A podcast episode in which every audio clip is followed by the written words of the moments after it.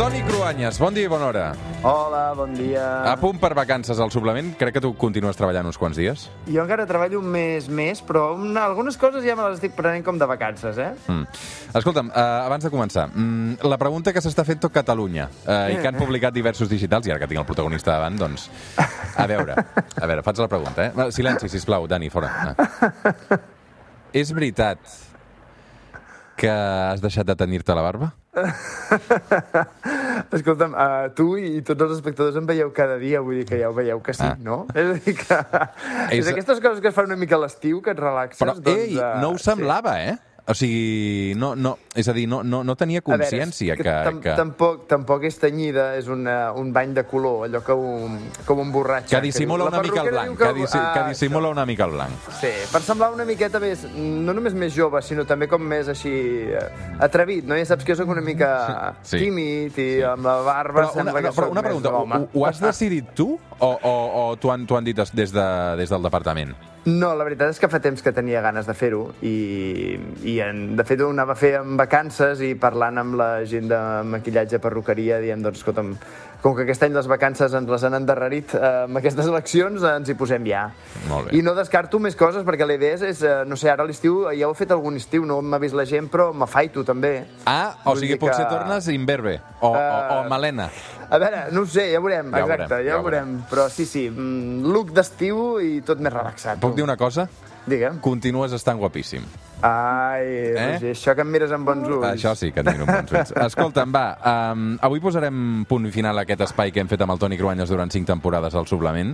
Sí. Um, I ho farem amb un nou capítol però donant-te les gràcies perquè has estat una veu fidel eh, i reconeixible pel suplement, també per aquests primers anys de programa, i, i hem de dir que continuaràs venint eh, de tant en tant, però que Molt bé. buscarem una manera diferent i amb un format eh, doncs una mica diferent que descobrireu a partir del mes de setembre. Eh?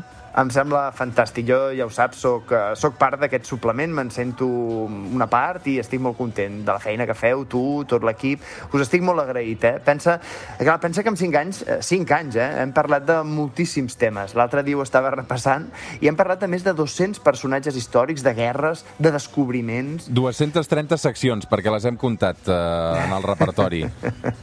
Realment sí. Vaja, no he comptat les seccions, però són 500 pàgines, eh? Posades una darrere l'altra. Això ha de ser un llibre, eh, Toni? Mira, no ho descartis, ja Ah. que m'estic deixant anar aquest estiu, doncs podria ser, per què no, no? Li donem un format de llibre. No ho sé, m'ho- ens ho mirarem. Molt bé, molt bé. Escolta'm, a què dedicarem aquest últim capítol avui, Toni? Home, ho deixarem amunt, no? A veure, eh, si moltes vegades hem fet viatges per la història del món, avui ho fem amb el millor guia de viatges que et puguis imaginar.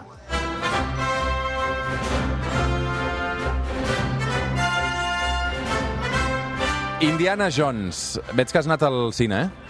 Uh, just ahir la vam anar a veure, però a veure, alerta, no totes les pel·lícules d'Indiana Jones expliquen històries de veritat, eh?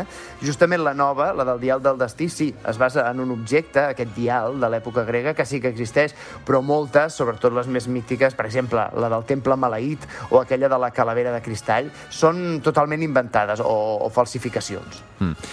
I, I després hi ha els elements màgics que s'atribueixen a aquests tresors de l'antiguitat que també en formen part de les llegendes, no?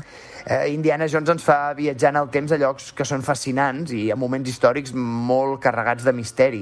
Per exemple, el Temple Maleït ens porten a l'Amèrica precolombina jugant amb la llegenda de la ciutat d'El Dorado. Són, són mons del passat que ens fascinen des del present. I això passa sobretot amb les primeres civilitzacions, quan hi havia una fe cega amb els déus antics i que a la vegada ens han deixat aquestes meravelles com són les piràmides o les ciutats de l'antiga Pèrsia amb personatges que apareixen a la Bíblia i, i, i per tant aquesta fascinació actual també és fruit de tantes generacions de cristianisme que ha fet que algunes d'aquestes històries les hàgim sentit a casa, els nostres pares a missa o a les escoles, no?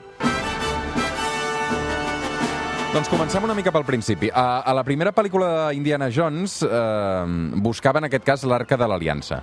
Sí, possiblement aquest és el símbol del moment culminant de l'Antic Testament de la Bíblia. A veure, ens hem de remuntar als segles en què els jueus eren una tribu diferenciada, però una tribu eh, amb la particularitat de durar un sol déu enmig d'un Egipte politeïsta. Estem parlant del segle XIV abans de Crist, quan els jueus, que eren esclaus a Egipte, van poder marxar cap a la terra promesa, que apareix en les seves escriptures sagrades. I aquí tenen un líder que és Moisès. Els jueus van marxar d'Egipte guiats per Moisès després que Déu hagués provocat les set plagues d'Egipte perquè el faraó permetés als jueus marxar. Moisès, en el camí, separarà les aigües perquè després de 40 anys en el desert el poble jueu torni de l'èxode que havia estat condemnat. Així ho diuen les Sagrades Escriptures. I en el camí de tornada a la muntanya sagrada del Sinaí, Moisès va rebre de Déu directament els deu manaments, escrits sobre pedra i que han estat la base de les lleis religioses i polítiques del judaïsme i, posteriorment, adoptades també pel cristianisme i, en bona part, també per la tradició musulmana. Home, els deu manaments han estat fonamentals en la història de les religions. Eh, no mataràs, no robaràs. Sí, exacte.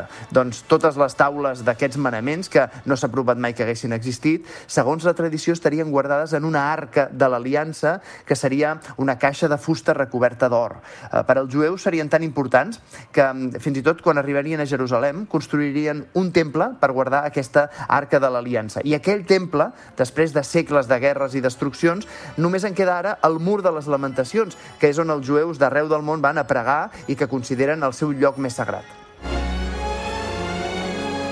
A l'actual mur de les lamentacions és on s'hi guardava l'arca de l'Aliança. Sí, sí és que va existir mai, perquè, a veure, al segle VI abans de Crist, el rei de Babilònia, Nabucodonosor, va envair-los i, suposadament, l'arca de l'Aliança es va amagar en un lloc secret i a partir d'aquí va desaparèixer. La idea era preservar-la dels enemics i, de fet, era tan secret que aquesta arca ja no s'ha trobat més. Això sí, ha fet somiar generacions i generacions d'arqueòlegs, fins i tot abans que Indiana Jones. Mira, el Nabucco de Verdi, eh, que evidentment és conegudíssim, explica la vida dels jueus sota la denominació del rei de Babilònia. Sí, el poble jueu ens serveix per resseguir aquest període de l'antiguitat amb tot l'esplendor de les llegendes i la màgia de la religió que tant ens agraden, no? I si un objecte ho pot resumir millor que cap altre és aquest, l'arca de l'aliança. Alguns creuen que no va existir mai, sinó que va ser un mite, un mite fins i tot inventat després. De fet, potser n'hi va haver una d'arca, però falsa i construïda pels reis de Judà, que va ser una de les tribus d'Israel que volien legitimar-se davant de la resta de tribus. Eh, Una llegenda la situa en una muntanya amagada a Jordània, i això és el que passa a la pel·lícula de l'Indiana Jones, allà la van a buscar. Una altra llegenda diu que està custodiada per una horda religiosa secreta a Etiòpia, eh, des dels anys de la reina de Saba, que va ser la dona del rei Salomó dels jueus. Mira si dona voltes l'arca de l'Aliança i totes les històries d'Indiana Jones, eh, Toni? Home, és, eh, és apassionant I, i jo crec que gràcies a aquestes petites històries i aquestes llegendes que són tan populars, molts nens i nenes d'escola s'han anat acostant a, a la història en majúscules, a, a la gran història, que és la que després aprenem a les escoles i a les universitats. I també és el que ens has anat explicant tu al llarg d'aquests cinc anys. Uh, Toni, posarem una mica de música per acabar, et sembla bé? Últim ball, abans de les 9 del matí. So let's dance,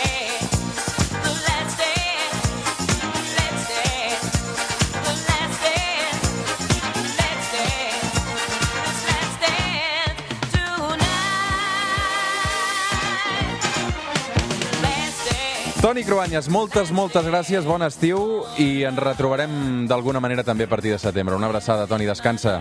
Gràcies a tu, Roger. A Nil Via, que és el que ens ha fet funcionar una miqueta aquests guions durant aquests 5 anys, i a tot l'equip del suplement. Bon estiu i fins sempre a tots. Fins les 9 del matí aquest Let's Dance. Una abraçada, Toni, cuida't.